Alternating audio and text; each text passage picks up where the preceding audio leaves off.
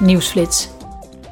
Gisteren debatteerden de leden van het Europees Parlement in Straatsburg met de Europese commissaris voor Financiële Stabiliteit, Mayred McGuinness, en met de Zweedse minister voor Europese Zaken, Jessica Roswal.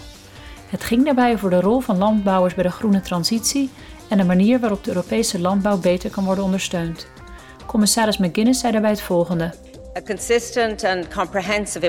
Met een consequente en volledige uitvoering van de Europese Green Deal, dus ook van de van boer tot bord strategie en strategieën voor biodiversiteit, kan de EU binnen een redelijke termijn en met de nodige financiële middelen een duurzaam, inclusief en veerkrachtig voedselsysteem tot stand brengen. And with necessary support instruments.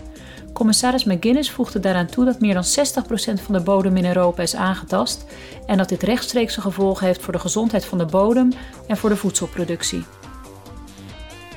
De Portugese president Marcelo Rebelo de Sousa sprak de leden van het Europees Parlement tijdens een plechtige vergadering toe. Hij zei dat de Russische oorlog tegen Oekraïne het meest prangende vraagstuk is dat Europa moet oplossen. É mais urgente garantir het dringendste is om er nu voor te zorgen dat de oorlog die het Oekraïense volk teistert en ook gevolgen heeft voor nog veel meer volkeren in de hele wereld, vooral in Europa, leidt tot een wettelijke, rechtvaardige en morele vrede.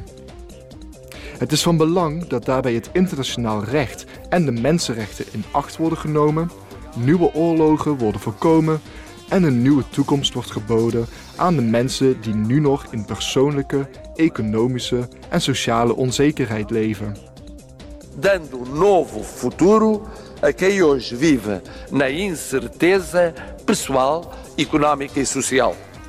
President Rebella de Sousa sprak zich verder uit voor de uitbreiding van de EU en drong aan op een gemeenschappelijk migratiebeleid. Het parlement heeft deze week besloten met spoed een voorstel voor een verordening te behandelen om de Europese productie van munitie en raketten op te voeren. Door gerichte maatregelen in te voeren, waaronder 500 miljoen euro aan financiering, is het doel van de wet ter ondersteuning van de productie van munitie om de productiecapaciteit van de EU op te schroeven. Het parlement heeft er verder mee ingestemd om de invoerrechten van de EU op de Oekraïnse uitvoer van landbouwproducten met nog eens een jaar op te schorten om de economie van het land te ondersteunen.